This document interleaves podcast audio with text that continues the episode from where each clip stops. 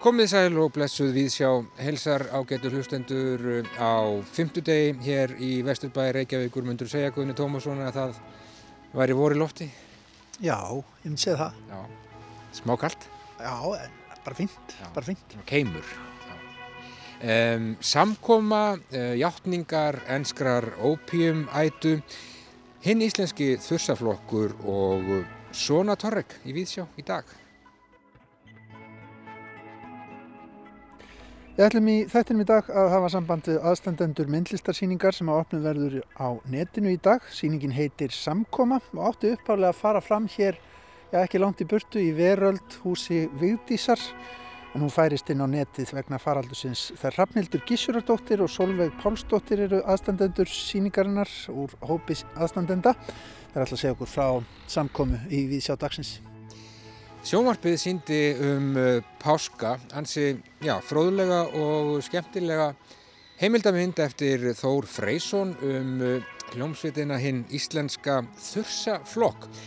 Við horfðum að sjálfsögðu á þessa mynd sem var sínd í uh, tveimur hlutum og já, þar sem saga þessara rómuðu hljómsveitar var rakin við segjum frá hér rétt á eftir. Thomas de Quincey var þekktastur fyrir bók sína sem heitir Játtningar enskrar ópíum ætu. Það bók sem kom út árið 1821 og allir miklu uppnámi. Herman Stefánsson, hann rínir í þessa ensku klassík í þættinum. Já, og ljóð fyrir þjóð að sjálfsögðum í Víðsjá í dag. Í dag er það Arnar Jónsson leikari sem að les Svona Torrek eftir sjálfan Egil Skallagrimsson. Þetta verður rándýrt hjá okkur í dag. Alveg rándýrt. En prestur með pókarrass áttu ekki dropa vass að lána mér til sunnudags ef að byrja á Þursaflokk. nokkanlega.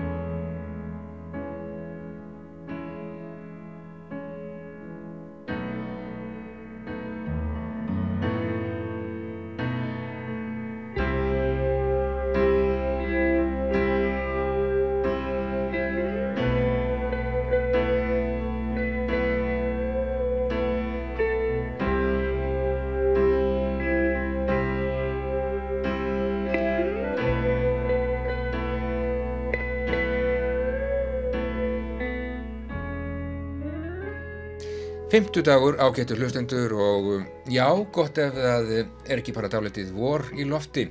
Að minnstakosti lætur byrtan ekki á sér standa og fugglasöngurinn hann er á sínum stað.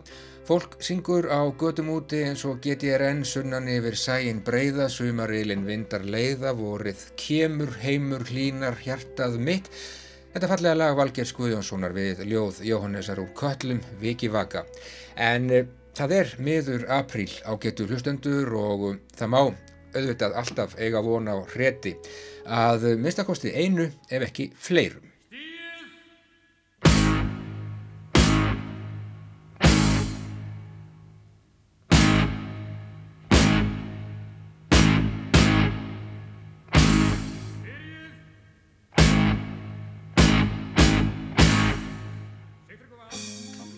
Sjónvarpið síndi um páska heimildamindi í tveimur hlutum um hinn íslenska þursaflokk eftir Þór Freysson. Þetta var skemmtileg mynd, vel unnin á löngum tíma, fróðleg og uppörfandi. Það var gaman að láta skjóta sér svona rækilega aftur í tíman, sjá gamalt sjónvasefni viðtöl við þursa og fólk sem að þeim tengdist. Þursaflokkurinn var auðvitað einhvers konar þurðu fyrirbæri á sínum tíma. Þetta var hann í kringum árið 1980 svolítið eins og að opna tunnu sem var full af súrmeti sem reyndist þegar upp var staðið vera algjört lost æti. Og þrátt fyrir alla forneskjuna, allt súrmetið en kannski líka vegna hennar, náði þetta blessunarlega í gegn. Mestu máli skipti auðvitað hversu frábærir músikantar skipuðu á sínum tíma hinn íslenska þursaflokk. Þar var valin maður í hverju rúmi og það skilaði sér heldur betur.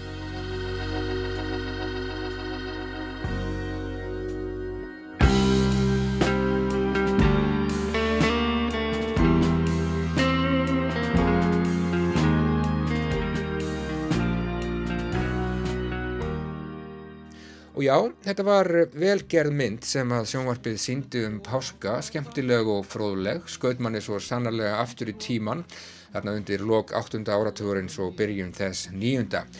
Þetta voru auðvitað í vissum skilningi alveg hræðilegi tímar en líklega var maður, að mestakosti sá sem hér talar, aðeins of ungur til að nema öll blæbreyði leiðindana til fulls. Það var ekkert hægt að gera sjónvastaskráin herfileg leikið íslenskt efni ofta tíðum svo slæmt að ég held að maður býði þess aldrei bætur að hafa séð sumt af því það við batna til muna hvaðið sé lof. Sjöppurnar tómar ef undan var skilin pakkmann kassin, gödurnar auðar eins og óutfyllt eigðublöð. Ég hef stólið mör úr mókótlótum hrúti hvað það voru skelvilegir tímar. En hinn íslenski þursaflokkur, hann blómstrar þarna líkt og á mörgum tveggja tímabila. Það stýttist í að það farið að rofa til, vorið kemur heimur hlínar, engum og sérinlegi í tónlist. Þursarnir voru tímaskekkja eins og súrmetið og glíman, en þeir voru líka heillandi tímaskekkja. Og það skemmtilega við þetta allt saman er auðvitað hversu vel þessi tónlist eldist. Hún er eiginlega jafn fín nú og hún var þá. Sjónvars upptökur með þursum þær eldast ekki alveg eins vel og tónlistin þannig er það bara. Það var eins og í myndefninu sem Þór Freysson bauð okkur upp á í myndunum góðu. Emdi örlítið eftir af öllum botnföstu leiðindunum frá 8. áratugnum og nei nei, ekki vantaði tilgerðina. En ef maður lokar augunum og hlustar þá heyrist hversu vel þetta var allt saman gert, hvaða var hugvitsamlegt og við það nostrað af heilindum, hvað þetta var í alla staði vandað og það í góðri merkingu þess orðs. Hinn íslenski þursaflokkur brúaði bylið milli leiðindana og nýra tíma. Það var farið að stittast í vorið og kannski var sumarið bara skamt undan líka, purkurpilnik, þeir, högl, sigurmólar. Fyrstu tvær plötur hins íslenska þursaflokks voru frámunalega góðar, hinn íslenski þursaflokkur og þursabit og þær þrátt fyrir allt proggið eldast fyrðu vel, raunar mjög vel.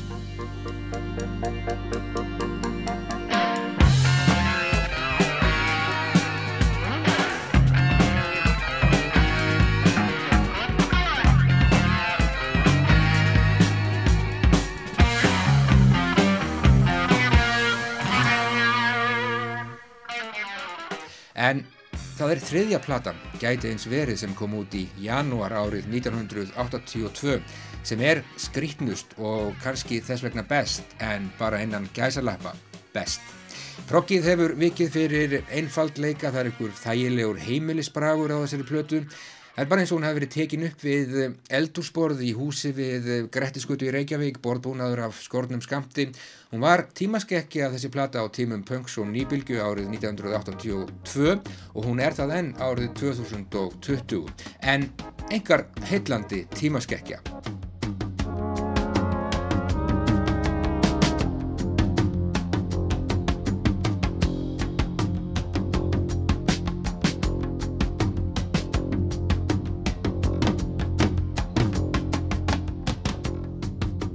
Tekstarnir, einhvers konar absúrdismi, fyrst var ekkert, svo komst þú á vangjum yfir flóan, ég var fullur af öllu, þú varst tóm af því sama. Og börnin grétu, þau grétu af því að serjósi var búið, vill einhver elska 49 ára gamlan mann sem er fráskilinn og safnar þjóðbúningadúkum, læknar hafa tjáð mér ég sé í líkama líkama 18 ára unglings og svo framvegis og svo framvegis, klassík. Það er þráttur allt hlaupin ykkur um, nýbylgu vírus í þursa á þessari plötu Egil syngur stundum, svolítið eins og David Byrne og svo skartar þessi plata lögum við tvö frábæri ljóð eftir þá Þórarinn Eldjárn og Einar Má Guðmundsson gegnum Holt og Hæðir og Þögull eins og meirulhutin. Farði aldrei yfir á rauðu grænikarlinn í göduljósinu er vinurðinn og hatrið í augum fólksins er bara plat, nei, reynd ekki að þræta, það eru 365 dagar í árinu og lífið er staðreind. Og svo framvegis. Gegnum holt og hæði, það horfi ég og sé, að það sem var í þátti og það sem á að ske. Já, þriðja platan, þriðja hljóðversplatan, það er hún sem blífur í dag að mistakosti í algjöru tímaleysi, tímalaus, tímaskekkja, heimilisiðinnaður af grettiskutunni, allt einhvern veginn blátt áfram, platan er bara það sem hún er og það er alveg nóg.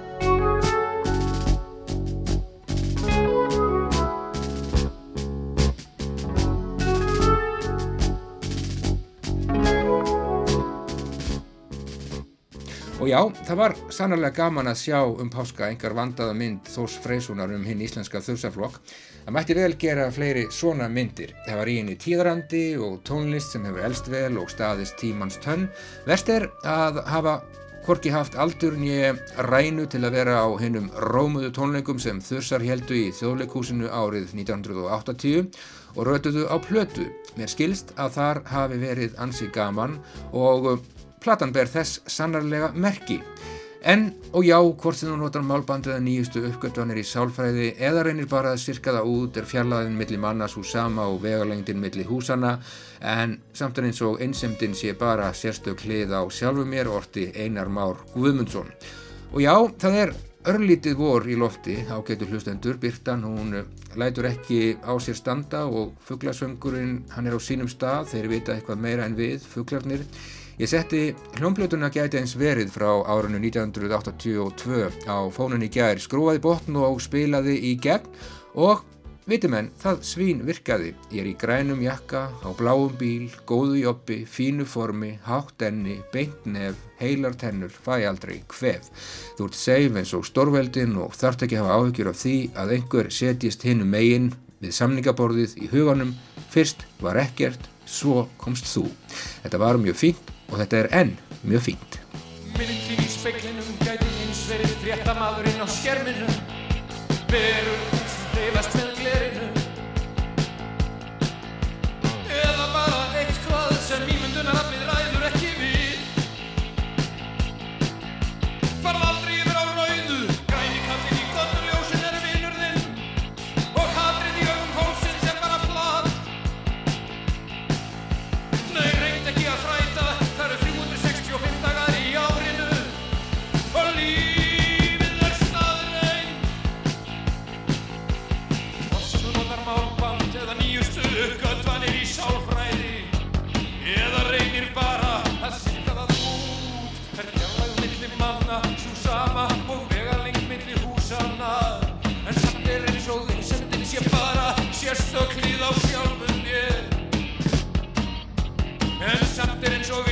vinsemdin sé bara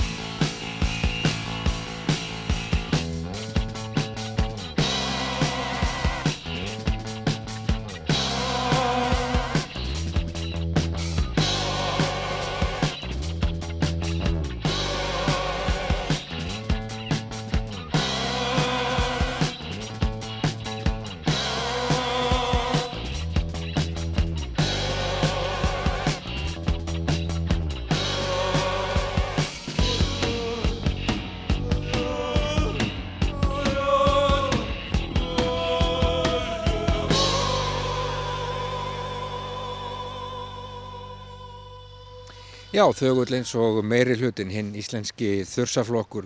Árgerð 1982, lag Ásgeir Óskarsson, ljóð Einar Már Guðmundsson. Og já, myndin eh, um þursaflokkin síndi í sjónvarpinu um páska og hún var, já, bæði fróðuleg og skemmtileg og það mætti gera fleiri svona vandaðar kvikmyndir um merkilegar hljómsveitir. Þetta var mynd sem var gerð á mjög lungum tíma og það skilaði sér. Já, ég á eftir að horfa, það verður spennandi. En næst ætlum við að hugað myndlist, alþjóðleg samsýning meistaranema í myndlist við Listaháskóla Íslands og í sýningarstjórnun við Háskóla Íslands. Átt að fara fram hér ekki íkja langt, þaðan sem við stöndum er ykkur í veröld húsi Vigdísar. En hún færist nú inn á vefsíðu og verður opnuð núna klukkan 5. Þetta er síning sem heitir Samkoma. Það er eiga átta myndlistamennverk og fjóri síningastjórar vinna með þeim. Við ringdum í tvo aðstandendur Hrafnildi Gissurudóttur og Solveigu Pálsdóttur.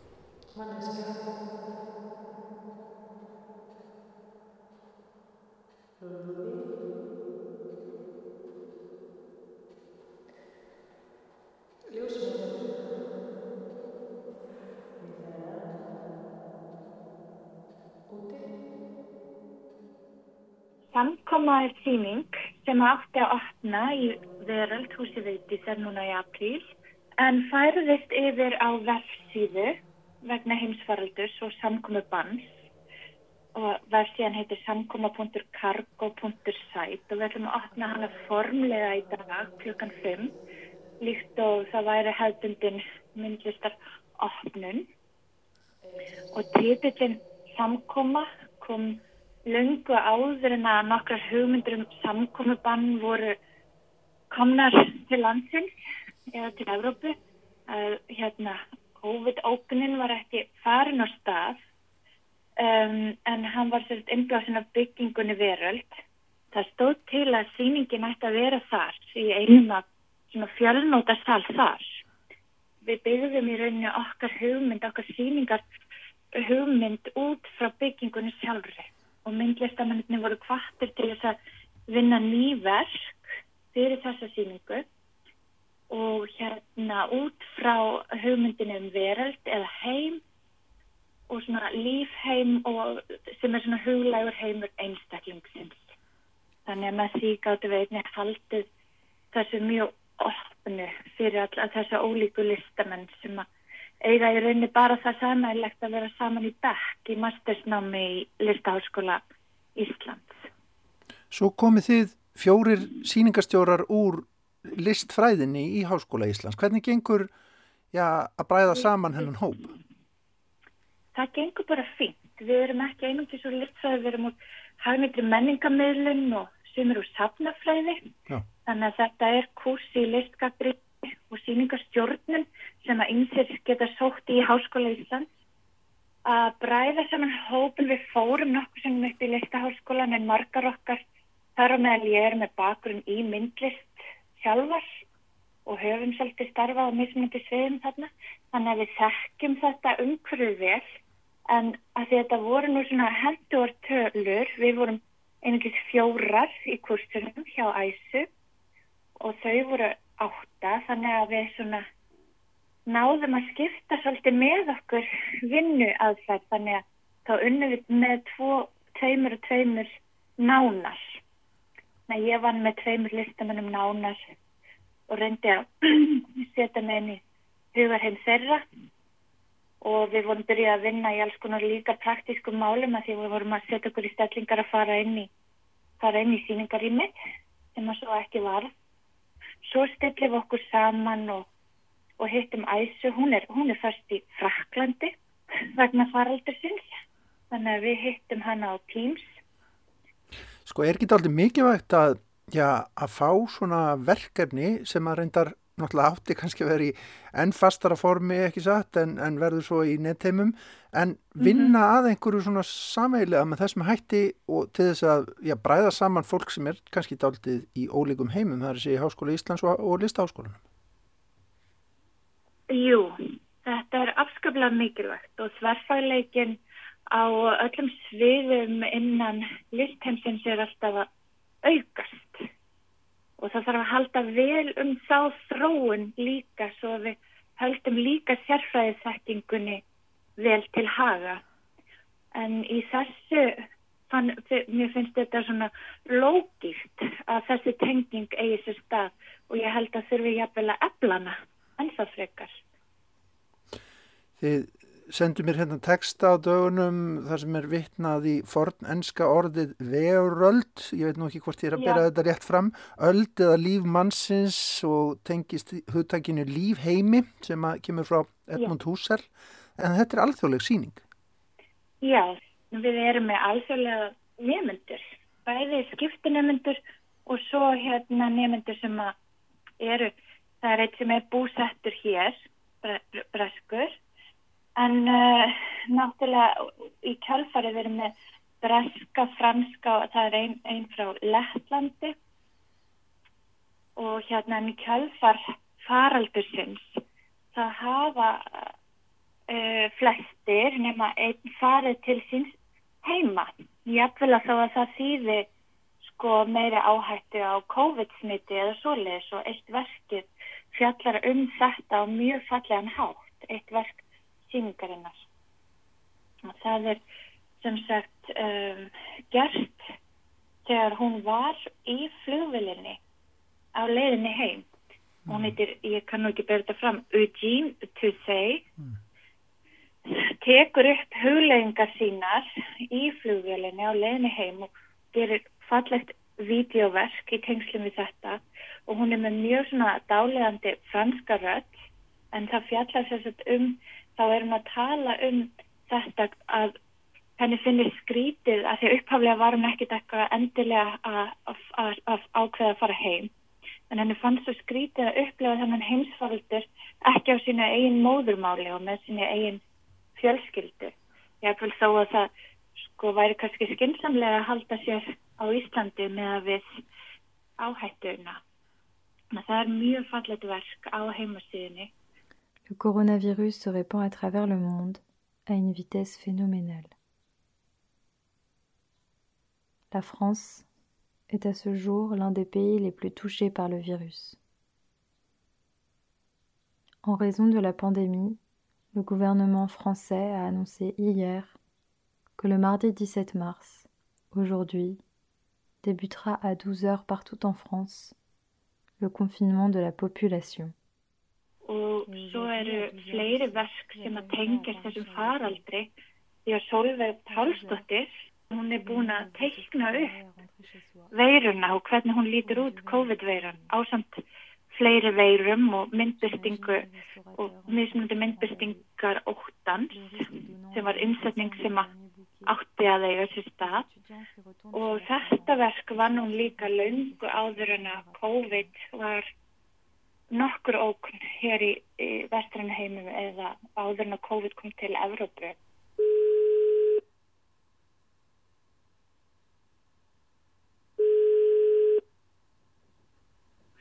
Solveig? Sæl Solveig Guðni Tómasson heiti ég hinn hérna í útvarpinu. Blessar Guðni. Get ég átt smá spjall við þig? sjálfsög. Um ósynilega ógn? Já. Við lifum á tímum hennar ekki satt? Svo sannarlega, það var ekki, var ekki eh, ég ætlaði ekki að vera fórspá og, og síkrit að þetta ástandi yfir okkur Nei. en svo virðist sem að það hafi aðsvikast óvart. Sko, segð mér hvernig ferð þú að hugsa um þetta þegar að, hérna, og hvenar? Sko, ég er þannig að er sett samsagt núna á mánudaginn og er að fara að eignast mitt fyrsta barn. Nú til hamingi með það. Takk fyrir og er núna og var núna setni önnunum minni í uh, mastersnáminu um, og lendi í smá svona helsu okn í desember. Uh, ég var með frumupreitingar þegar vissi ekki hvort að það var í mögulega leghálskrappa meina eða ekki og var svona rosalega lífsvætt. Um, og svo í desember þegar þannig kemur ljósa að ég er bara raust og það endur að fara í keiluskur og svona eitthvað veðan um, þá var ég bara komin í daldi svona óta stöðu og sé að í Kína er, er þessi veira byrjuð að fara á uh, kreik og byrja þá að, að vinna sem sagt með að teikna uh, upp bæði þessa veiru COVID-19 sem var þá reyndir ekki komin með það nafn, hún var ennþá kölluð Wuhan veiran og uh, uh, fór að teikna mandulur bæði af henni af HIV uh, veirusnum sem var svona óknavaldur þegar uh, ég var að byrja stundu kynlíf þá var, var manni sagt að vera hrættur við það og svo að pláinni um, og um, gerði þetta, raun og verið til að róa sjálfa mig niður að setja þær í þetta ringlaga manduluform. Tókst það? Eh, það tókst, þetta verkið samanstendur, verkið er innsetning í rauninni sem samanstendur af tíu speiklum um, og þremur plexiglerplötum sem eru 70, sem 70 cm að starf. Plexiglerplötunar eru með vírusunum og hanga fyrir framanspeiklana um, á speiklanum eru í rauninni myndir af óttaviðbröðum eða svona upplifununum sem var fylgja þessum ósýnilegu vírusum sem alltaf varpa skugga á allt okkar líf. Alltaf, það er einhvern veginn. Hvernig finnst þér þessi fyrirbæri? Mér finnst vírusar, sko, það er mjög gaman að skoða bæri bakteríur og vírusa í svona mikró, uh, mikróformi af því þeir eru rosalega fallega byggðir og þetta eru svona áhugaverð fyrirbæri. Þetta eru rosalega fall, falleg fyrirbæri raun og veru. En uh, það sem fylgir þeim er náttúrulega einstaklega ógrunvænlegt og fyndið eitthvað svona lítið geti verið svona stórt, skilur. Svo er þetta kannski rýmar við, já, heiti síningar ykkar að, að hérna, þetta er veröld bara líka út af fyrir sig, þessi, þessi mikró, mikroskopiska veröld. Já, hún er það og þannig að plexiglerið, sko ástæður því ég valdi plexiglerunni ekki bara til að fá þetta ósýnilega, þetta, þetta yfirbæðum að þeir séu vallaðana og til að fá skuggan, sko, að því að veist, pælingin er að varpa, að varpa kösturum á plexigleri þannig að skuggin af vírusunum reyni varpast á vekkin, á vekkin fyrir átt. Mm. Já, það, þetta er verald út af fyrir sig og þannig að uh, plexigleri það lítið aldrei út eins og svona pítri diskur, sko. Mm í svona reysastarf þannig manni finnst svona eins og maður sétt aldrei að, að kíkja onni svona petridisk og að sé að fá, fá, fá svona innsýninni þetta veröld þeirra vírusma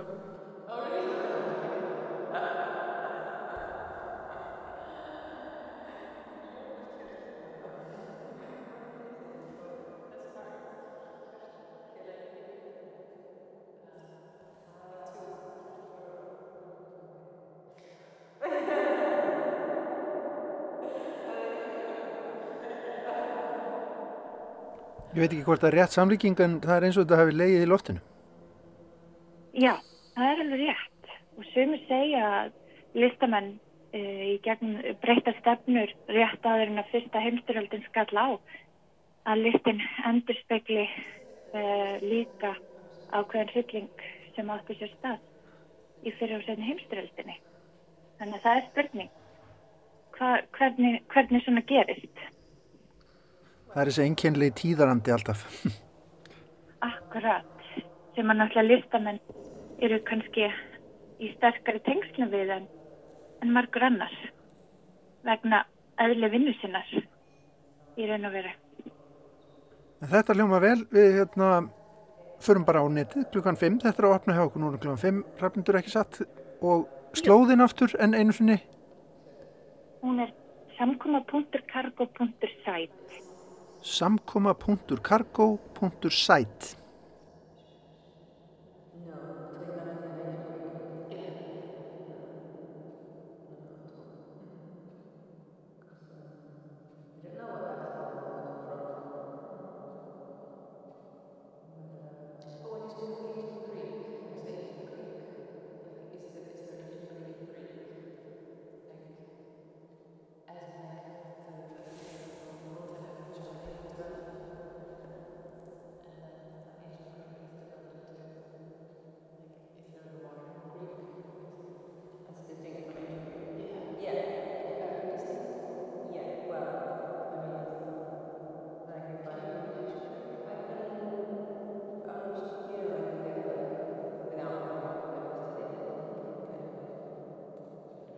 Rafnildur Gessurdóttir og Solveig Pálsdóttir þær sögðu þarna frá síningunni Samkomu en við heyrðum líka brot úr verkum Júliu Móensen og Eugene Tuse en þær eru meðal þeirra sem að eiga verk á síningunni nýja brum í myndlistarheiminum inn á vefnum hvar annar staðar, segjum við bara þessi dana. Það sjálfsögðu allt farið á, á vefin. Eh, við ætlum þessum næst hér í Víðsjá að huga að Já, gammalli bók sem var bísna umdeld á sínum tíma kom út árið 1821 og heitir Hjáttningar enskrar ópjum ætu og er eftir Thomas Quincy.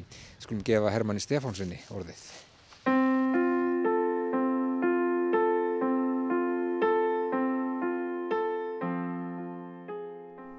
Hvaða tóntegund hæfir samtímanum? Upphörfandi dúr eða nærandi moll, blíð hugunar sem viðkvæmni eða yfirgengilegur ersla hrissingur? Hvaða litur? Dúr eða moll? Beethoven eða Edvard Grieg? Ég seilist eftir bók úr skapnum og byrja að lesa. Bókin er Hjáttningar ennskrar ópjumætu eftir Thomas de Kinsey.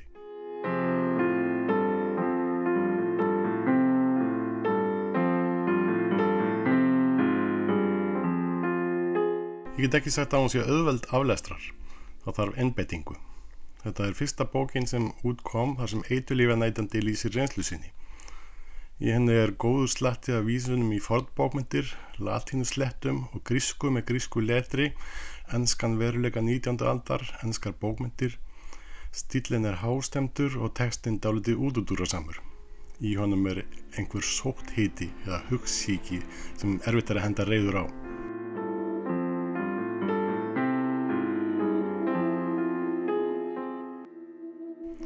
Stundum er erfitt að fylgja þræði höfundar eins og brúa þurfi talsverða gjá til að skilja annan högsunarhátt og gera ólíka menningu. Eða er það bara ópjum víman? Ennskan er erfið enda þó textin hafi verið auðvöldlega aðgengilegur samtímamönnum. Stundum byrjar einn frásagn af æfinni og fer mikinn en endar svo út í skurði. Þannig berst höfundi bref fyrir místök, fyrir nafnarugling, bref ætlað öðrum frá konu Það eitraði alla tilvist mína, segir höfundur. Hann leitar upp í sendandan með ærinni fyrirhöfn og svo er að skilja sem sendingin sem mikilvægur áhrifavaldur í lífi hans. Hlutföllin á milli þess mikilvæga og ómarkverða eru svo enkennileg. Ekkert verður úr þessu en að sendandin fær brefið og yfirmaður póshús sleppur við áminningu. Svo er farið annað. Reyndar lendir höfundur á vergangi skömmu eftir þetta en tildraugin eru einkennileg.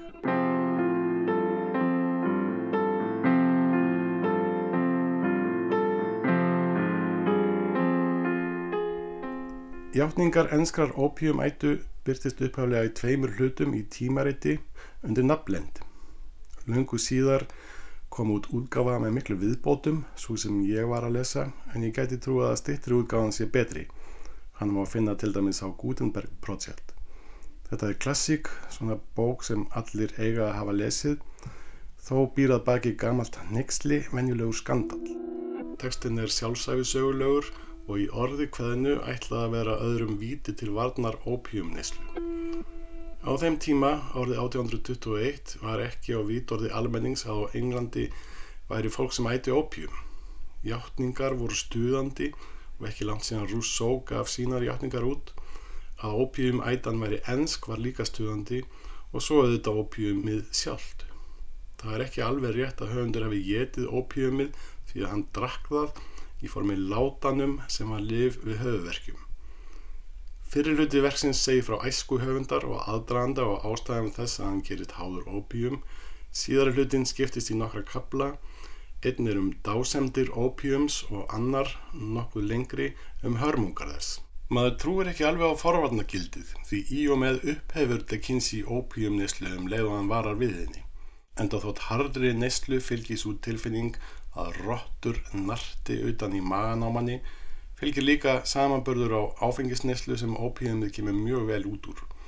Það gerir engan reikulan í spori og þvoglumaltan heldur skerpir vel sín, sveppbót er fín, sorg hugarins dvín eins og Hallgrimur Pétursson orti um tópakið. Meðan höfundur neytir ópíums í hófi, í svo mikið sem átján ár, er það sérlega gott til að magna upp skilvitin í óperunni eða gera hugan næman á gunguferðum. Ó réttláta blæbriðaríka og máttuga ópíum skrifar De Kinsey Jaft hjörtum fátakra á ríka fyrir þau sár sem aldrei gróa og við þeim sting sem frestar andans til uppristnar, dyrlega ópjum með þeitt sefandi smyrsl.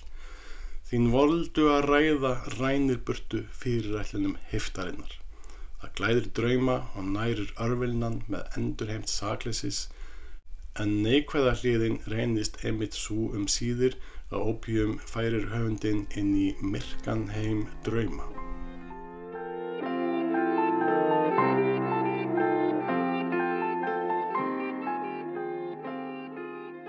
Tekstinn æðir jafnand út undan sér og inniheldur hugleðingar um allt melli heimis og jarðar, svo sem þá skoðun höfundar að leikarar séu vestir allra upplesara og lesi ekkert almennilega nema dramatískan teksta. Rent kvalræði hefur verið að hlusta á ungfró Siddons lesa upp úr Partisamissi á dögunum, en þó enn meira áhugjefni að hlusta á fleðuleg fagnadaleti áhærenda og höfundur ávarpar þessa leikonu vingallega og byður hennum að hlýfa almenningi og sinni eigin óviðjafnanlegu rött við ljóðaupplæstri, þó ekki væri nema virðingu við mannshæðlið. Coleridge getur heldur ekki lesið upp ljóð og hljómar eins og hann sé að bresta í grát eða kjökra ámátlega. Skaldið Samuel Taylor Coleridge er helsta fyrirmyndi kynsi í lífinu, þetta er sem sé romantík. Byrði hins ómiðlanlega eða hins óumræðilega er þrástef í tekstanum. Coleridge var líka ópíum neytandi og vinur de Kinsey og kemur mjög fyrir í tekstanum. Baudelaire með allt sitt hass er bókmantilegur artæki de Kinsey og ekki síður Gogol, smásagan dagbók vitferings eftir þann síðanemda er skildur teksti og hún er til á íslensku. Rögvísin er svo enkennileg tengingarnar á köplum svo skrítnar. Hvaða vöxtur var það á hvaða óútskýranlegu meinsemt innra með mér og öðrum, spyr höfundur sem tíðum ávarpar lesendur sína.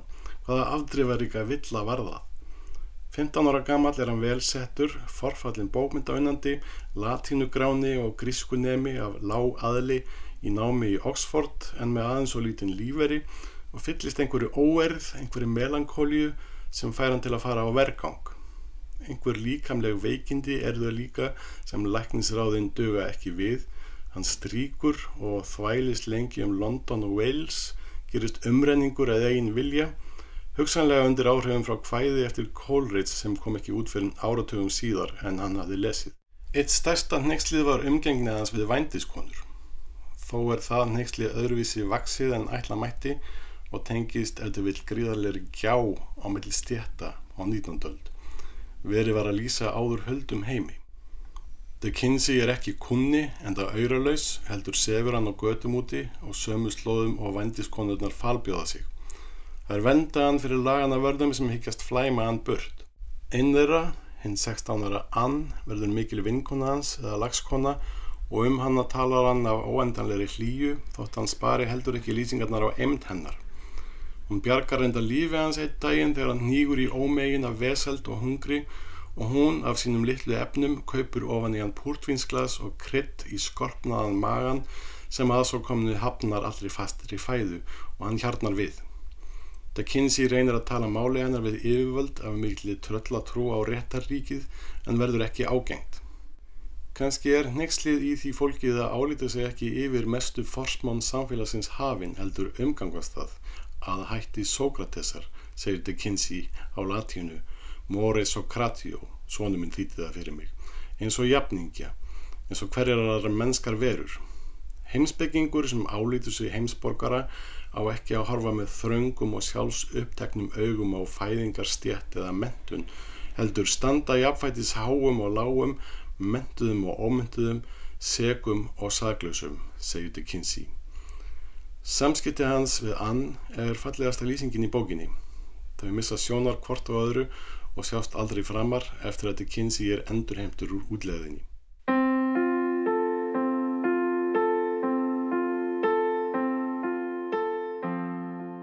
Eitt af þessum torskildu atvikum er heimsokn Malasíumann sem dag einn knýr dýra hjá De Kinsey. Þeir skilji ekki bofs hvori öðrum. Sá malasíski kvíli sig á gólfinu og heldur svo áfram försinni. De Kinsey lumar á hann um ópjum á útleðinni, nægilegu magni til að drepa þrjá rittara og gæðinga þeirra með og bregður við þegar malasíumadurinn kvamsariðsvísi í heilu lægi. Höfundurinn fullist uggsemdum um að með þessu hefði hann drepið hann malasíska en fer svo síðar sjálfur að innbyrða ópjum í óheirilegu magni. Malasíumadurinn vetjar hans í myrkum draumum.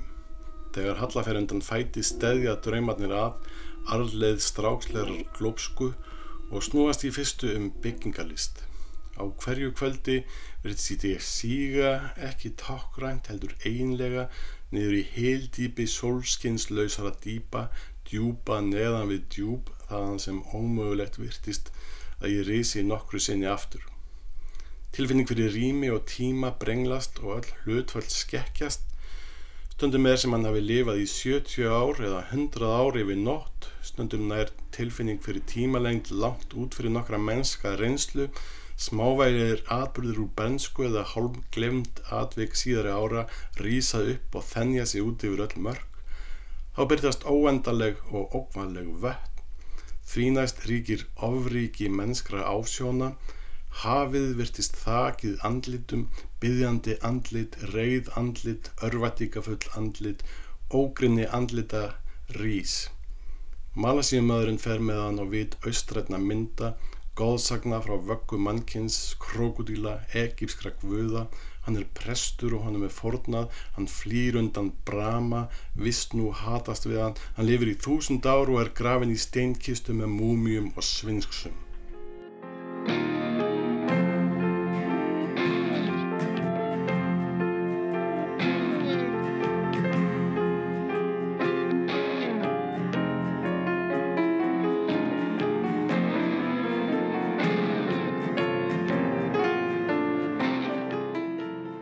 Ekki ætla ég að mæla með opium, en ég get mælt með þessari bók eftir mann sem þurkaði sig upp af fíkninni. Ég get mælt með skáldskap, opium fyrir einstaklinga. En það er með herkjum að maður trúi því að hugssíki Thomas de Kinsey stafi með öllu af opiumnislu fremur en bara skaldlegum innblæstri, að hún sé sumpart skaldskapalega blekking í skrifum mörgum árum síðar. Sem forvarnaritt er bókin frekar mísefnið þrátt fyrir goðan vilja, en það hefur hún gærnan verið dregin upp af eitulífjapostulum. En það er forvöldnin kannski fyrirsláttur fyrir sjálfstjáningu, tilli ástæða góðrar sögu. Ég mann gamall lesendabref einhvers hrekkjalóms í velvakanda morgunbladsins. Brefritari sagðist hafa orðið fyrir því óláni að vera grandalös á göngu eftir hólavallagotu þegar ljósastur datt um koll upp úr þörr og fjall á höfuðið á hann. Brefritari vildi bara greina frá þessu svo þetta geti orðið öðrum víti til varnáðar.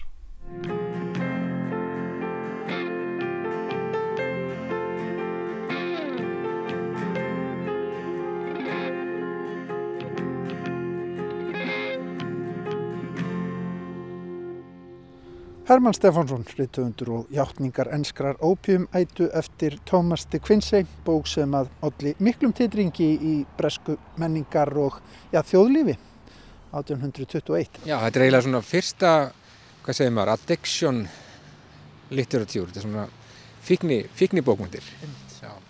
En þá fyrir við í þjóðleikúsið. Já, þar gengur stórleikari á svið. Ágæti leikúsgestur Skúli Pálsson Vertu hjartanlega velkomin í þjóðleikúsið. Vinsanlegast slögt á farsímanum, þó svo að ljós frá honum trubli ekki aðra gesti. Góða skemmtun.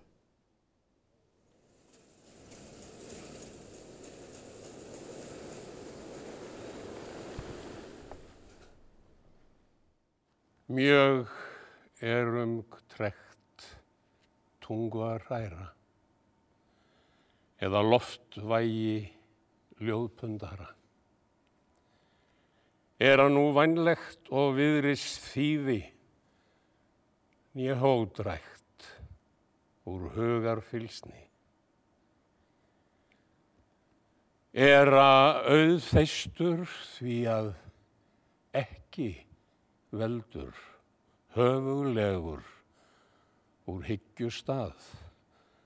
Fagnafundur friggjar niðja árborin úr jötun heimum. Lastalaus er lifnaði á nökkvers nökkva brægi. Jötuns háls undir þjóta náins niður fyrir nöstdurum. Því að ætt mín á enda stendur sem hræbarnar hlinir marka. Er að karskur maður, sá er kögla ber frændar hrörs af fletjum niður. Þó mun eg mitt og móður hrör föður fall fyrst of telja. Það ber eg út úr orð hofi mærðar timbur, máli löfgað. Grimt varum hlið, það er hrönn of braut föður míns á frændgarði.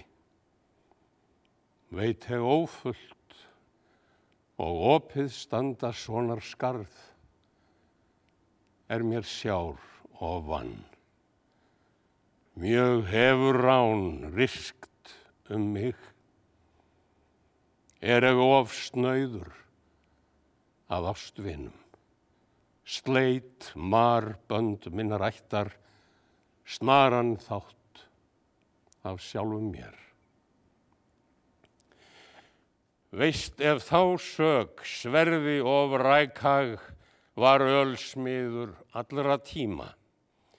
Hróða voks bræður ef vegamættag færeg andvígur og ægis manni. En eg ekki eiga þóttist sakarafl við sonar bana. Því að alþjóð fyrir augum verður gamals þegns gengileysi. Mig hefur mar miklu ræntan, grimt er fall frændað telja. Síðan er minn á mun vega ættar skjöldur af lífi kvarf. Veit ekki það sjálfur að í sinni mínum vara ílsþeggs efni vaksið, ef sá ramd viður röskvast næði, uns hergauts hendur of tæki. Æ, let flest, það er fadir mælti, þótt öll þjóð, annað segði, mér upp hjælt of ver bergi og mitt afl mest of studdi. Oft kemur mér mánabjarnar í byrvind bræðraleysi. Hyggjum um er hildur þróast, nýsum kynns og hyggað því hver mér hugaður á hlið standi, annar þegn við óðuræði. Þarveg hans oft of hergjörum, verðeg var fleigur er vinir þverra. Mjög er torfindur sá er trúa knegum og af alþjóð elgjar gálga. Því að niflgóður niðja steipir bróður hrör við baugum selur. Finneg það oft er fjár beðir. Það er ómælt að engi geti sonarið gjöld nema sjálfur ali en þannig er öðrum sé borin maður í bróður stað. Erum hvað þekkt þjóðar sinni þótt sér hver sátt og haldi. Bur er bilegs í bæ komin kvonar sonur, kynnis leita en mér fenns í föstum þokk hrosta hilmir á hendur stendur. Máka ég upp jörðu grímu, rínis reyð réttur í halda, síð er són minn sóttar brími, heiftúlegur úr heiminam. Þannig er ég veit að varnaði vamma var við vámæli. Það man ég enn, er upp of hóf í goð heim gauta spjalli ættar ask þann er óks af mér og kyn við konar minnar. Átti ég gott við geira drottin, gerðum tryggur að trúa honum, áður vinan vagnarúni sigur höfundur of sleit við mig. Blætka því bróður vílis, goðjarðar að gjarn sé eg. Þó hefur mýmis veinur mér of fengnar bölva bætur ef þið betra feleg. Gafumg íþrótt, úls of bái, víi vanur, vammi fyrða. Og það geð er að gerði mér vísa fjemdur af vélöndum. Nú er mér torvelt, tveggja báa, njörfa nift á nesi stendur. Skal ég þó gladur með góðan vilja og óhryggur heljar býða.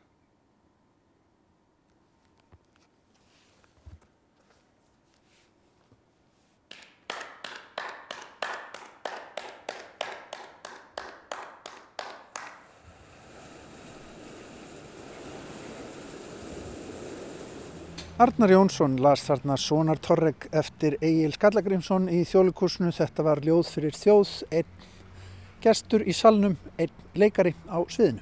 Já, fallegt var það, en við erum vist kominir á leiðarenda í Víðsjá í dag. Ég er enda með aldrei fyrir þig, Erikur. Við ætlum að ljúka þið þannig í dag, þessum þætti. Ég ætla að leifa þær að hlusta á fugglana eins og þau sungu í morgun rétt fyrir fimm. Takk fyrir það. Verið sæl. Verið sæl.